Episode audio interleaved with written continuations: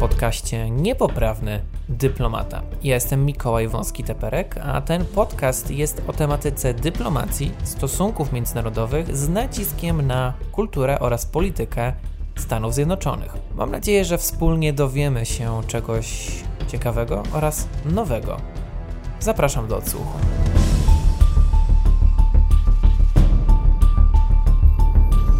Pamięci ofiar ataku terrorystycznego na World Trade Center w Nowym Jorku 11 września 2001 roku. Kołdzie Polakom, którzy stracili wówczas życie, a byli to Maria Jakubiak, Dorota Kopiczko, Jan Maciejewski, Łukasz Milewski, Anna Pietkiewicz, Norbert Szurkowski oraz inni nieznani z nazwiska. Witam Was serdecznie na kanale Niepoprawny Dyplomata. Mówił właśnie redaktor Tomasz Winiarski. Ja nazywam się Mikołaj Teperek. Razem z nami jest także redaktor Miłosz Sowa. Witam Was na kanale Niepoprawny Dyplomata. Kontynuujemy odcinki dotyczące 20. rocznicy zawalenia się dwóch wież World Trade Center. Tomasz podał tutaj sześć osób i innych nieznanych. Chcielibyśmy Wam przytoczyć, kim byli ci Polacy, którzy zginęli w trakcie zamachów w Nowym Jorku 11 września 2001 roku. Już rok później, rok później, bo 11 września 2002 roku polski prezydent Aleksander Kwaśniewski uroczyście otworzył pierwszy pomnik poświęcony ofiarom 11 września, który został na świecie stworzony poza terytorium USA i to był właśnie pomnik, który do tej pory stoi w Parku Skaryszewskim w Warszawie od strony Ronda Waszyngtona. Mm, I właśnie czytałem na początku odcinka e, napis, który widnieje na płycie.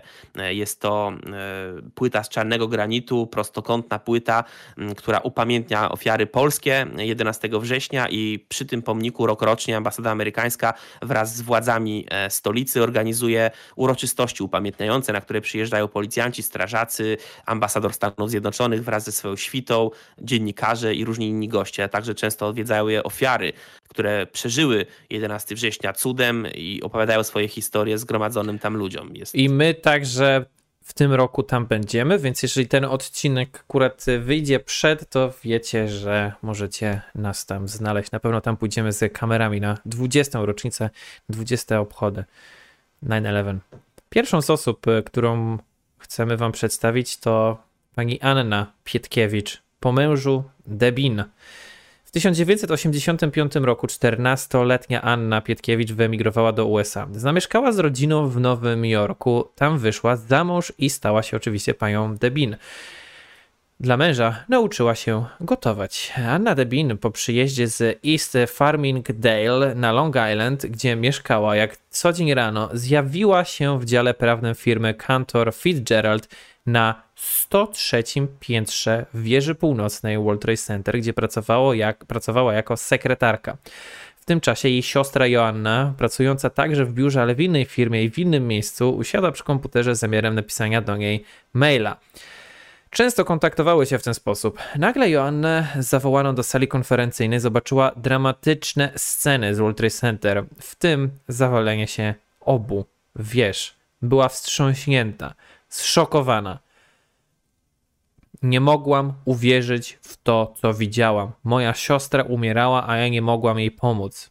Wspominała.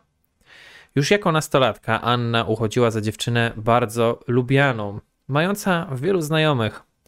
Emanowały od niej ciepło i radość. Na Greenpointie w polskiej dzielnicy w Nowym Jorku brylowała w towarzystwie. Nie lubiła siedzieć w domu, wolała gdzieś wyjść, spotkać się z przyjaciółmi. Chętnie doradzała innym w trudnych życiowych sprawach. Nic więc dziwnego, że rodzina nazywała ją psychiatrą. W Nowym Jorku brakowało jej polskiej przyrody. Gdy żyła w Polsce w wakacje jeździła do swojej babci, która mieszkała na wsi w północno-wschodniej części kraju. Jeziora, pola ze zbożem, konie, świnie, owce, gęsi. Lubiła naturę i zwierzęta. Za oceanem chętnie spacerowała po lesie, zabierała tam swojego syna Timotiego, Josefa. Lubiła też wspinaczki górskie i wizyty na farmach, gdzie można było zobaczyć zwierzęta. Wokół domu miała budki dla ptaków zbudowane przez jej męża, które dekorowała barwnymi motywami. Początkowo Anna nie umiała gotować, postanowiła jednak, że się nauczy. I uczyła z książką kucharską w ręce. W końcu dobiła swego. Gościom mogła zaserwować obiad w polskim stylu, Polish style, zupę pomidorową oraz tłoczone ziemniaki i sztukę mięsa albo pierogi. Anna była niesamowicie oddana w ży życiu rodzinnemu i głęboko zaangażowana w wychowanie syna. Poświęciła cały swój czas i wysiłek, aby stworzyć spokojne, ciepłe, rodzinne środowisko. Kochała życie. Przygotowywała rodzinne uroczystości, organizowała przyjęcia dla naszego syna i letnie spotkania przy basenie dla naszych przyjaciół. Wspominał jej mąż, George. Wtedy, w 2001 roku, chciała w swoim domu przygotować obiad z okazji święta dziękczynienia. Obchodzonego w USA zawsze w czwarty czwartek listopada. Niestety zginęła w drugi wtorek września. Jej rodzina postanowiła, że tego roku nie urządzi świątecznego spotkania. Odeszła z tego świata zdecydowanie za szybko, ale przyniosła wieczną radość wszystkim, którzy ją znali. Była piękną osobą z unikatowymi umiejętnościami i wyjątkowymi darami. Nigdy nie zapomnimy o niej. Arno, zawsze będziesz w naszych sercach, mówił jej mąż George. Kolejną osobą, która straciła swoje życie 11 września jest Norbert Szurkowski. Tuż po 11 września powrócił z Polski do Stanów Zjednoczonych. W poniedziałek po południu dowiedział się, że rano ma przyjść na 104 piętro północnej wieży World Trade Center i wykonać drobne roboty w firmie Canton, Cantor Fitzgerald. Miał wpaść do World Trade Center tylko na chwilę, do biura Cantor Fitzgerald. Planował wyjść jeszcze przed godziną dziewiątą.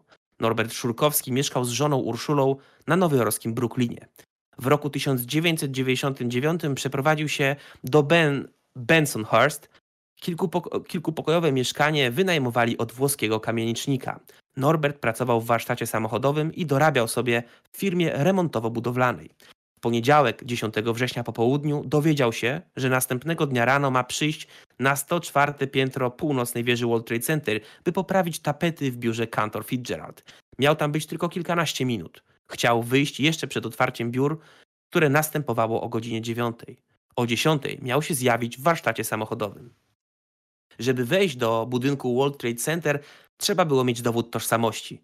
Bez niego do budynku nie mógł się dostać nawet jego właściciel. Tego dnia dowód tożsamości, prawo jazdy Norberta Szurkowskiego zabrała ze sobą Urszula. Opowiadała potem, że wsiadała już do samochodu, gdy w ostatniej chwili przybiegł z domu jej mąż. Gdyby się z nią minął, nie wszedłby nigdy do World Trade Center tego dnia. Gdy krótko po godzinie dziewiątej Urszula włączyła telewizor, zobaczyła wieże, w które wbiły się samoloty. Usiłowała się połączyć telefonicznie z mężem. Co chwila dzwoniłam, modląc się, żeby odebrał telefon, wspominała. Ale telefon milczał. Wcześniej, gdy jego teściowa Ewa w rozmowie telefonicznej opisała, co widzi w telewizji, Urszula krzycz, krzyknęła: Norbert tam jest. Ojcem Norberta był Ryszard Szurkowski, do dziś uważany za najlepszego polskiego kolarza w historii. Norbert też jeździł na rowerze, ale nie poszedł w ślady taty. To był wspaniały, wesoły, uczynny i lubiany przez kolegów chłopak. Nie wywyższał się, dla niego wszyscy byli równi. Traktowałam go tak, jakby był moim synem. Wspominała po latach Halina Szczepańska, siostra byłego kolarza, która ma dwóch własnych synów. Norbert bardzo lubił przyjeżdżać do mnie do Świebodowa, wsi liczącej dziś około 250 mieszkańców, należącej wtedy administracyjnie do województwa wrocławskiego. To w niej urodził się Szurkowski senior. Z Warszawy jechał motorem, miał tu kolegów, dobrze się czuł u nas. Są tu piękne tereny wokoło lasy. Po rozwodzie rodziców znalazł się w USA. W roku 1992 podczas wieczoru sylwestrowego na Brooklynie poznał swoją przyszłą żonę Urszulę Leśniak. On studiował wtedy w koledżu, ona, piętnastolatka, chodziła do ogólniaka. Zakochali się. On był człowiekiem, który cieszył się z życia każdego dnia, wspominała męża Urszula.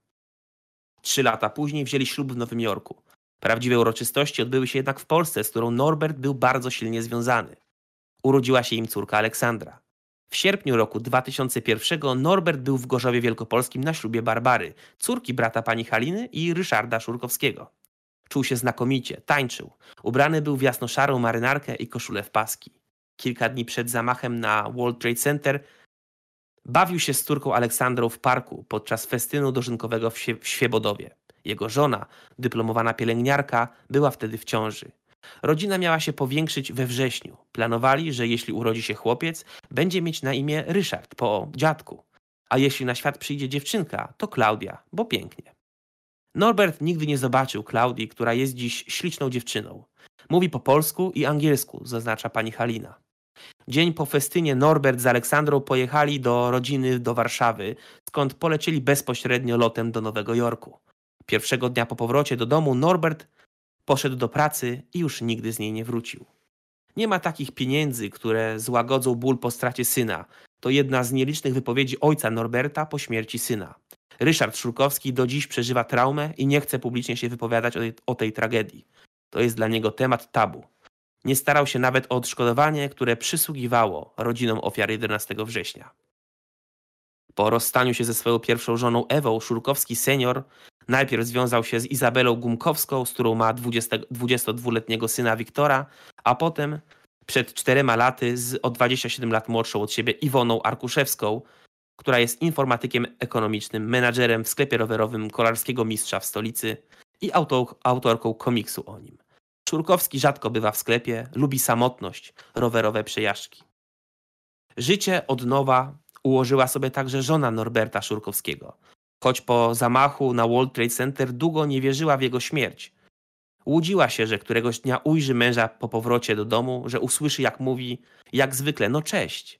W końcu wyszła za innego Polaka, Piotra. Urodziła córkę Emilię, do dziś mieszka na Florydzie. Ciało Norberta nigdy nie zostało zidentyfikowane, podobnie jak ciała tysięcy innych ofiar. Jego żona otrzymała od miasta certyfikat zgonu męża i urnę z prochami z World Trade Center. Norbert nie miał pogrzebu i nie ma także grobu. Na cmentarzu parafialnym w Wierzchowicach, siedzibie parafii pod wezwaniem narodzin Najświętszej Maryi Panny, do której należy Świebodów, znajduje się rodzinny grobowiec Szurkowskich, gdzie spoczywają dziadek, pradziadek i prababcia Norberta. Jest usytuowany około 30 metrów od wejścia na cmentarz. Wisi tam tabliczka z datami urodzin i śmierci Norberta Szurkowskiego. Rok po zamachu wieloletni proboszcz w parafii w Wierzchowicach, Julian Marut, odprawił mszę świętą za duszę syna Szurkowskiego. Norbert często przyjeżdżał do pobliskiego Świebodowa do swojej ciotki i dziadków. Nie znałem go. Znałem natomiast Ryszarda i na prośbę jego rodziny odprawiłem nabożeństwo żałobne. Było sporo osób, wspomina 76-letni dziś ksiądz Marut, który po prawie trzech dekadach pobytu we wspomnianej parafii od trzech lat mieszka w domu księży emerytów imienia Jana XXIII we Wrocławiu. W roku 1987 był w Nowym Jorku, podziwiał miasto, między innymi z tarasu widowego World Trade Center. Kolejną zmarłą osobą jest Maria Jakubiak. Maria Jakubiak cztery tygodnie przed zamachem omal nie straciła życia w spadającej windzie w budynku World Trade Center, gdzie pracowała jako księgowa w firmie Marsh McLennan. To było jak ostatnie ostrzeżenie w pięknie układającym się jej życiu. Maria Jakubiak 11 września przyjechała do pracy w World Trade Center z Ridgewood w dzielnicy Queens. Mieszkała tam z mężem Kazimierzem oraz trojgiem dzieci, 17-letnią Joanną, 15-letnim Pawłem i 10-letnim Chrisem. Wjechała na 93 piętro, gdzie mieściła się firma Marsh McLennan, w której była księgową. Miała tu drugie biurko od okna po północnej stronie wieży. Pracę kończyła zwykle przed 17. Potem zjeżdżała na dół, wsiadała do metra, jechała nim pół godziny. Na stacji czekał na nią mąż. Razem wracali samochodem do domu. Porwany samolot nadleciał z północnej strony. Strefa uderzenia zaczynała się właśnie od 93 piętra. Gdy Maria miała 17 lat, poznała o dwa lata starszego Kazimierza, który mieszkał 5 kilometrów od jej wsi Błota w Bystrzycy. Potańcówka w Szydłowicach zaowocowała kolejną randką i głębszym uczuciem. Kazimierz odsłużył wojsko. Szybko się pobrali i zamieszkali z babcią Kazimierza, Antoniną. Maria i Kazimierz doczekali się dwojga dzieci. Najpierw Joanny, potem Pawła. Tak jak jego rodzice pracowali w fabryce w Jelczu. Kazimierz był spawaczem, jego żona sekretarką. Po kilku latach wyjechali do Ameryki. Początki były trudne, ale jakoś dawali sobie radę. Znaleźli mieszkanie, potem Kazimierz, gdy zaczął szlifować angielski, także pracę, malując szyldy, pracując też także w wyuczonym zawodzie spawacza. Później na świat przyszedł Chris. Większa rodzina to większe wydatki, ale znów sobie poradzili. Wynajęli większe mieszkanie, kupili samochód, posłali dwójkę starszych dzieci do szkoły. Maria także nauczyła się angielskiego. Skończyła dwuletnią szkołę biznesu i podjęła pracę w firmie Marsh McLennan. Spełniło się jedno z jej marzeń, bo spełniała się już nie tylko jako żona oraz matka, ale również zawodowo. A to była jej pierwsza praca w USA i była z niej bardzo dumna. Zaczęło się im lepiej powodzić. Takich było na posłanie dzieci do bardziej renomowanych szkół, na wakacje na Florydzie, kupno domów Ridgewood. Po ponad 10 latach pobytu na amerykańskiej ziemi czuli się szczęśliwi. Ale nagle zdarzyło się coś, co wzbudziło niepokój w rodzinie Jakubiaków. Było środowe południe 15 sierpnia 2001 roku. Do mogącej pomieścić 30 osób windy na 78 piętrze wieży World Trade Center, gdzie mieściło się Sky Lobby, stacja przesiadkowa na wyższe poziomy, wsiadło 15 pasażerów. Była wśród nich Maria. Gdy zamknęły się drzwi windy, Jadący nią usłyszeli huk, jakby na jej dach coś spadło z wielkim hukiem. Kabina niczym pocisk zaczęła spadać. To były sekundy grozy. A w takich sytuacjach człowiek nie ma czasu, by zdążyć logicznie pomyśleć. Trzeba mieć tylko stalowe nerwy i niesamowicie zimną krew, by zachować spokój i nie panikować, nie myśleć, że to już koniec, albo nie zdawać sobie sprawy z grożącego niebezpieczeństwa. Maria z nieodłącznym uśmiechem na twarzy powiedziała spanikowanym pasażerom, że to druga winda powoduje taki hałas i że nikomu nic się nie stanie. Nie stało się, bo ktoś zdołał nacisnąć przycisk stop. Winda zatrzymała się na 32 piętrze. Przez interkom wezwano pomoc. Winda została ściągnięta na parter. Pasażerowie opuścili ją z wielką ulgą. Podano wodę, zmierzono ciśnienie. Dopiero wtedy Maria się rozkleiła. Zadzwoniła do męża, który był akurat w Polsce. Prosił, żeby udała się do lekarza, żeby wzięła kilka dni wolnego. Wzięła, ale gdy zasugerował, że może powinna zrezygnować z pracy, nie zgodziła się. Za bardzo ją lubiła, za bardzo czuła się potrzebna. A windą jeździła, bo musiała. Przełamała strach za radą swej kierowniczki lecz korzystała z windy tylko dwa razy dziennie, zaczynając i kończąc pracę. W porze lunchu zostawała w biurze. Jedzenie przynosiły jej koleżanki z pracy. Maria była zawsze uśmiechnięta, promienna. Ludzie ją lubili. Kochała męża i dzieci, a oni ją. Była bardzo pracowita, zdolna, dbała o swoją rodzinę. Wspomina synową, niemal osiemdziesięcioletnia dziś Krystyna Jakubiak. Córka Marii, Joanna, ma męża i córkę Zofię. Mieszkają w stanie New Jersey. W trakcie nabożeństwa przy gruzach bliźniaczych wież Kazimierz Jakubak otrzymał, jak rodziny innych ofiar, urnę z drewna, w której znajdowały się pozostałości po World Trade Center. Zastanawiał się, co z nią zrobić, bo jeśli są tam prochy jego żony, są też i terrorystów. Nie zdecydował się na pochówek. Na cmentarzu stanął za to pomnik z czarnego białego marmuru, aż z Indii.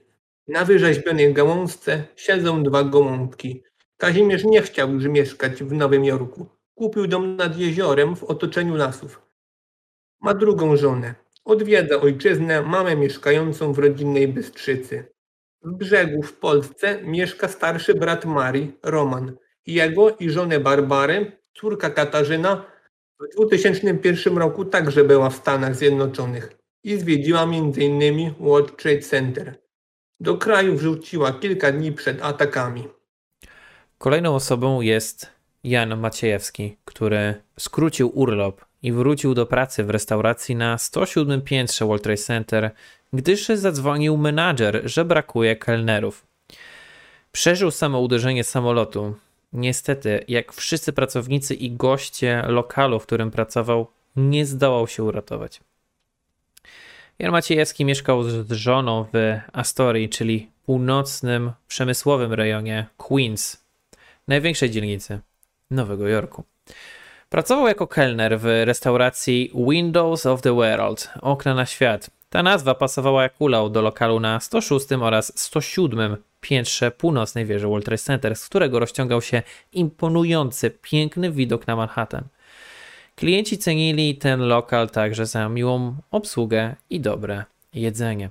Tego poranka Maciejewski obsługiwał gości jedzących śniadanie.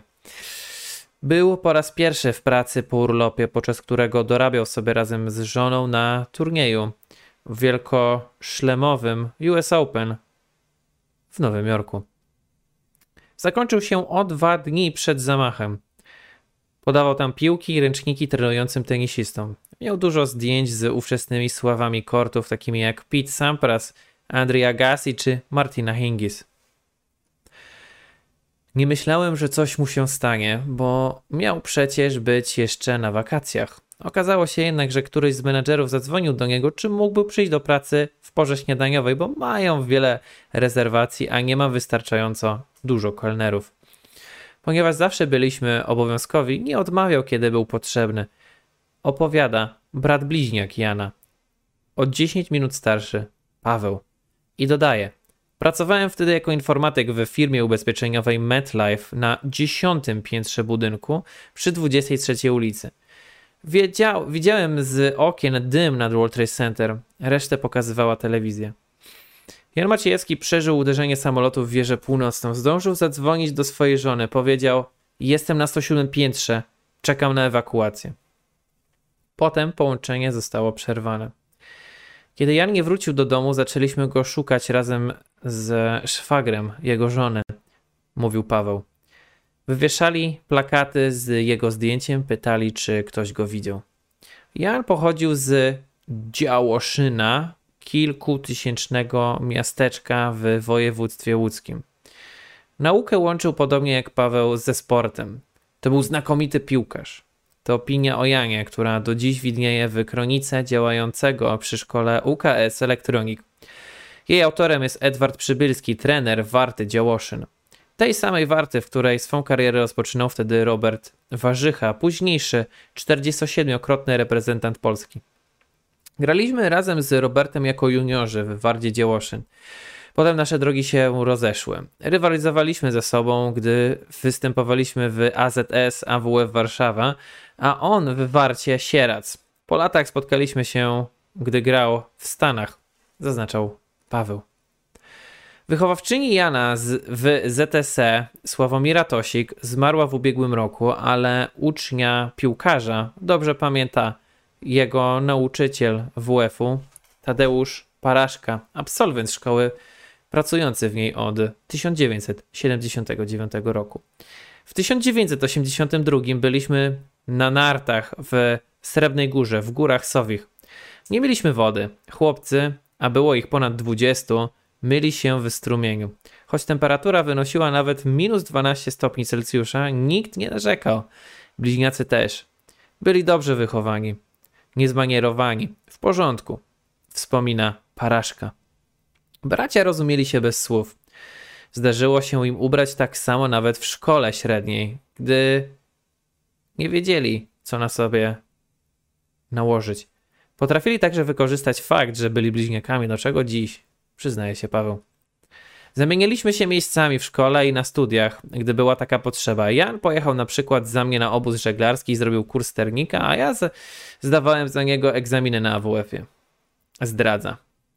Trener AZS AWF Warszawa Jerzy Masztaler podejrzewał zamianę, ale nie mógł tego udowodnić, bo nie był w stanie odróżnić braci. Swoje podobieństwo wykorzystywali także jako piłkarze. Raz y, trener zdecydował się na nas, nas wystawić jako jednego zawodnika. Do przerwy grał jeden z nas, a po niej drugi z tym samym numerem.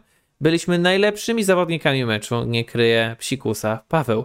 I dodaje, kiedy ja grałem na jednej stronie pomocy, a brat na drugiej, to piłkarze przeciwnej drużyny mówili, że ten zawodnik ma super kondycję. Ale naprawdę mieliśmy kondycję, bo biegaliśmy. Nie paliliśmy, nie byliśmy wielkimi talentami, ale staraliśmy się, by nas dobrze zapamiętano jako piłkarze. Paraczka przytacza śmieszną sytuację z meczu, w którym grali bliźniacy. Byli zawodnikami trzecioligowej Pogoni z Duńska Wola. Jan grał do przerwy i dostał żółtą kartkę. W drugiej połowie zastąpili go Paweł, zastąpił go Paweł i też zarobił żółtko.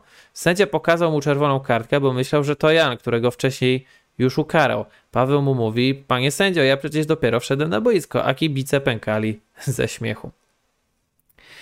Bracia byli dobrymi uczniami. Potrafili pogodzić naukę ze sportem. W roku szkolnym 83-84 ukończyli piątą klasę technikum, automatykę urządzeń elektrycznych i elektronicznych, mówi Paraszka. Dobre wspomnienia o nich mają także inni nauczyciele, o czym przekonują wpisy w wydawanej co kwartał szkolnej gazetce. Jako piłkarze bracia grali razem w Pogoni i w AZS AWF Warszawa. Jan najpierw zaczął studiować na AGH, a potem dostał się z pomocą brata oczywiście na AWF. Po studiach pracował z młodzieżą w Hutniku Warszawa. Chciał zostać piłkarzem trenerem, ale w styczniu 1990 roku wyjechał do USA. Paweł po studiach poszedł do wojska i grał w Orle WAM Łódź. W Działoszynie zostali ich rodzice. Mama, która zmarła dwa lata temu i 76-letni dziś ojciec Kazimierz. Jan, półtora roku po wyjeździe, ściągnął do Ameryki swego brata, zatem razem, razem z jego żoną Agnieszką pobrali się na rok przed wyjazdem. Był pomocny dla wszystkich. Nam również pomógł. Załatwił wszystko na nasz przyjazd. Mieszkanie i co najważniejsze, pracę dla mnie, podkreśla Paweł. Mieszkali w Astorii, w tym samym budynku, jeden pod drugim. Dziś Paweł mieszka w stanie New Jersey, ale pracuje na Manhattanie. Nadal jako informatyk, tyle że dla banku inwestycyjnego Morgan Stanley. Czasami dorabia jako kelner na bankietach w Pier Hotel. W Stanach Zjednoczonych Jan pracował najpierw jako budowlaniec, potem jako kelner razem z bratem w restauracji Dish of Salt w, zwan- w znanym nowojorskim biurowcu Rockefeller Center. W 1995 roku właśnie w restauracji poznał swą późniejszą żonę, Amerykankę Mary D. Franco. Pracowała dla dużej firmy McGraw-Hill. Po pracy wpadła z przyjaciółmi do baru w restauracji. Pewnego razu zapytała barmana, czy mógłby ją poznać z jednym z kelnerów. Pokazała na Jana. Tak zaczęła się ich miłość. Po roku byli już małżeństwem. Paweł nie ma dziś kontaktu z Mary, wie tylko, że wyjechała do Kalifornii. Bracia bardzo tęsknili za Polską, a tęsknota to, to największa choroba, przekonuje Paweł, którego żona była gotowa wrócić do kraju w każdej chwili. On chciał jednak zarobić na własne mieszkanie i zostać w USA do 94 roku, by zobaczyć na żywo rozgrywane tam piłkarskie Mistrzostwa Świata. I zobaczył je z Janem. Byli na dwóch meczach grupowym Włochy-Norwegia i ćwierćfinałowym Bułgaria-Niemcy na Giant Stadium w stanie New Jersey. Jan uchodził za człowieka zabieganego, dosłownie i w przenośni. Lubił żyć w ruchu, biegać, grać w tenisa i piłkę. Po wyjściu w restauracji w World Trade Center Jan biegł do metra, by podjechać do firmy, w której pracował jako konsultant komputerowy. Gdy wracał z pracy, wysiadał z metra i biegiem pokonywał trasę do domu. 11 września jego bieg został przerwany na zawsze. Prochy Jana znajdują się w rodzinnym Działoszynie. Kolejną ofiarą 11 września jest Dorota Kopiczko. Tego dnia Dorota mogła nie pójść do pracy. Jednak mimo przeziębienia postanowiła wpaść do swojego biura. Dorota Kopiczko mieszkała w Nutley w stanie New Jersey. W niedzielę wróciła z krótkiego wypadu ze znajomymi. Dzień później miała wolne. Zrobiła pranie. W czwartek 13 września planowała z przyjaciółmi polecieć na Florydę na krótki urlop. Nie, nie najlepiej się czuła, była przeziębiona. Zastanawiała się, czy pójść do pracy. Mówiłam jej, żeby nie szła we wtorek do pracy, ale powiedziała, że wpadnie na chwilę do biura. Coś pozałatwia i wróci. Zwykle z Natli wyjeżdżała pociągiem z przesiadką po drodze. Po ósmej rano, bo pracę zaczynała o dziewiątej. Wtedy pojechała już o siódmej i była w biurze dużo wcześniej niż normalnie wspomina mama Doroty, pani Bogusława Kopiczko. Biura firmy Marsh McLennan mieściły się na kilku, od 93 do setnego piętrach wieży północnej World Trade Center. Gdy pierwszy samolot uderzył w wieżę, Dorota była już w biurze na setnym piętrze. Jej mama rano oglądała telewizję. Lubiła zwłaszcza kanały, w których podawano newsy. Nagle usłyszałam informację, że mały samolot uderzył w wieżę północną World Trade Center.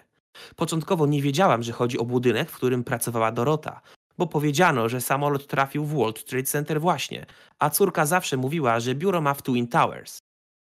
Potem mój brat zadzwonił, że to jednak ten budynek. Powtarzałam sobie, że to niemożliwe. Próbowała się dodzwonić do Doroty. Za pierwszym razem w jej komórce był sygnał oczekiwania na połączenie. Za drugim już tylko głucha cisza. Wspomina, szlochając pani Bogusława. Gdy była w drugiej klasie liceum, rodzina przeprowadziła się do USA. Po roku została za oceanem z mamą, która pracowała m.in. jako pomoc domowa. Pozostała część rodziny wróciła do kraju.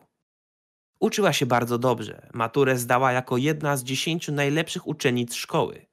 Była mocna szczególnie w przedmiotach ścisłych, ale objawiała także zdolności plastyczne. Rysowała i malowała. Zbierała nagrody za swoje prace. Na studiach dostała nawet stypendium. Znalazła pracę w księgowości w Paris Pani, potem w firmie Marsh McLennan, która wchłonęła jej pierwszego pracodawcę. Bardzo cieszyła się z awansu. Córka była zachwycona Ameryką. Podobało się jej, że wszystko zależy od niej samej, trzeba tylko chcieć. Nie rozumiała koleżanek ze studiów, które nie chciały się uczyć. Ona bardzo lubiła. Żeby zostać biegłym księgowym, trzeba mieć uprawnienia. Dlatego zapisała się na kurs, który kosztował 10 tysięcy dolarów. Była ambitna, dążyła do celu, szybko awansowała. Jeździła służbowo za granicę, między innymi do Londynu i Ameryki Środkowej, opowiada po latach pani Bogusława. Dorota w wieku 25 lat z pomocą rodziców kupiła mieszkanie w Nutley, gdzie mieszkała z mamą. Ale miała jeszcze większe marzenia, o czym świadczyła choćby jej wizyta z mamą w malowniczym i nieprzyzwoicie bogatym miasteczku Franklin Lakes. Były tam piękne wille, wspaniałe samochody, Bentleye. Dorota mówiła: Mamusiu, kiedyś będziemy mieć taką willę i samochód. Wcześniej zapewniała, że zanim ukończy 25 lat, będzie ją stać na to, by mogła sobie kupić własny dom. I tak też się stało, mówi mama Doroty. Blondynka z pięknym uśmie... Blondynka z pięknymi, długimi włosami nie miała jeszcze swego chłopaka, ale była bardzo lubiana w towarzystwie. Była otwarta wobec innych ludzi, łatwo nawiązywała kontakty, miała w sobie radość życia, była osobą bardzo miłą, towarzyską. Znajomi nazywali ją słoneczko. Miała dobre serduszko, lubiła sprawiać innym ludziom przyjemność. Mówiła: Kocham ludzi, wspomina pani Bogusława i dodaje: Moje serce ciągle płacze. Krótko przed zamachem Dorota zaprosiła mamę i kuzynkę z Polski na zwiedzanie wieży północnej World Trade Center. Pani Bogusława poznała wtedy koleżanki i kolegów córki, jej menadżera. Były w kawiarni na 107 piętrze ze szklaną podłogą. Wybrały się na Wall Street, na nadbrzeże jachtowe, na lody i kawę. Dorota mówiła mi, że pracuje w chmurkach. Bałam się, że to tak wysoko, a ona odpowiadała, że to jeden z najbezpieczniejszych budynków na świecie. Wspomina mama Doroty i dodaje: Była bardzo wierząca, ale może Pan Bóg potrzebował ją w niebie, a nie na ziemi. Jej ciała nigdy nie odnaleziono.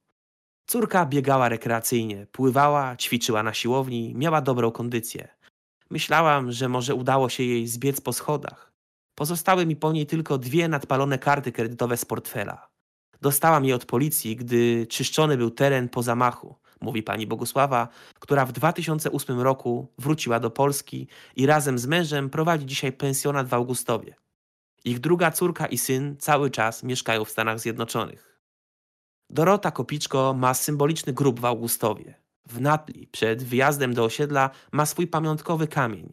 Przy urzędzie miasta znajdują się kamienie poświęcone pamięci trzech innych osób z Natli, które tego dnia zginęły w World Trade Center. Doroty, innej kobiety i strażaka. A w jednej z tamtejszych szkół są drzewka upamiętniające tragiczną śmierć Polki i dwóch wspomnianych innych osób. Ostatnią zmarłą polską osobą był Łukasz Milewski. Za dwa tygodnie Łukasz miał wsiąść na pokład samolotu i wrócić do Polski. We wtorek 11 września obudził się o 6 rano i wyszedł do pracy. Łukasz Milewski który mieszkał w Kew Gardens na południe od Queens w drugi wtorek września 2001 roku wstał, jak wspominałem wcześniej, o 6 rano, umył się, ubrał i szybko wyszedł z domu. Pojechał do World Trade Center, gdzie pracował w kafeterii prowadzonej przez Ford Food Service dla Cantor Fitzgerald na 101 piętrze wieży północnej. Był tam asystentem menedżera. Był to przystojny młodzieniec o piwnych oczach i pogodnym usposobieniu, który miał przed sobą jeszcze dwa tygodnie wakacyjnej pracy w World Trade Center. Lubił szybkie tempo życia panujące na amerykańskiej ziemi. Dużo czytał o historii Nowego Jorku, o World Trade Center. Chciał w przyszłości zostać maklerem giełdowym. To był bardzo miły, wesoły, przyjacielski chłopek, chłopiec.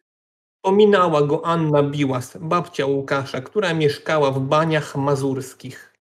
Wnuk przesłał jej pewnego razu pocztówkę ze zdjęciem World Trade Center, na której zaznaczył piętro z jego miejscem pracy. Miała ją do dziś, trzymała niczym relikwię. Łukasz był najlepszym bratem na świecie. Podkreśla jego siostra Kamila, która wyszła za mąż za Pawła Podejmą, przyjaciela brata. To właśnie Łukasz poznał ich ze sobą na kilka miesięcy przed swoją śmiercią. Jak e, wspomnieliśmy wcześniej u innych polskich ofiar, ciała Łukasza nigdy nie odnaleziono. Jego krewni, tak jak krewni poprzednich e, ofiar polskich, otrzymali urnę z prochami spod wieżowca. Owinęli ją w polsko-amerykańską flagę i przetransportowali do Polski. W połowie listopada 2001 roku rodzice urządzili mu symboliczny pogrzeb na cmentarzu przy ulicy Bakałażewskiej w Suwałkach. Do trumny włożono mu płyty kompaktowe, koszulki sportowe, listy i kasety z kreskówką Simpsonowie, które to Łukasz bardzo lubił, a nawet koledzy nazywali go z tego powodu Simpson. Jego grób łatwo odnaleźć na tym cmentarzu. Jest bardzo oryginalny. Posiada dwie strzeliste wieże symbolizujące budynki World Trade Center, które połączone są krzyżem. A na płycie grobu znajduje się kamienna księga, a na niej po prawej stronie widnieje napis Zginął tragicznie w dniu 11 września 2001 w Nowym Jorku w obronie wolności i wiary podziemiach pobliskiego kościoła pod wezwaniem Chrystusa Króla na ścianie naprzeciw ołtarza znajduje się tablica poświęcona parafianinowi Łukaszowi. Kolei wewnątrz 27-metrowej wieży stojącej obok kościoła umieszczone są trzy dzwony Chrystusa Króla, Matki Boskiej Częstochowskiej i Łukasza Milewskiego, bo to właśnie jego rodzice ufundowali jeden z dzwonów i przekazali pieniądze na urządzenie kościelnej kaplicy. Łukasz przyjął się do pracy w World Trade Center, bo chciał zarobić na studia. Pracował dwa miesiące. Do Polski planował wrócić 26 września. Miał już nawet wykupiony bilet powrotny. W kraju czekał na niego pies Max. Nie doczekał się swego pana. Zdechł wkrótce po zamachu. Dziękujemy moi drodzy za wysłuchanie. Ja nazywam się Mikołaj Wąski-Teperek. Tomasz Winiarski i Miłosz Sowa. A odcinek dedykujemy, dedykujemy ten odcinek e, pamięci polskich ofiar ataków na World Trade Center z 11, z 11 września 2001 roku. Cześć Waszej pamięci.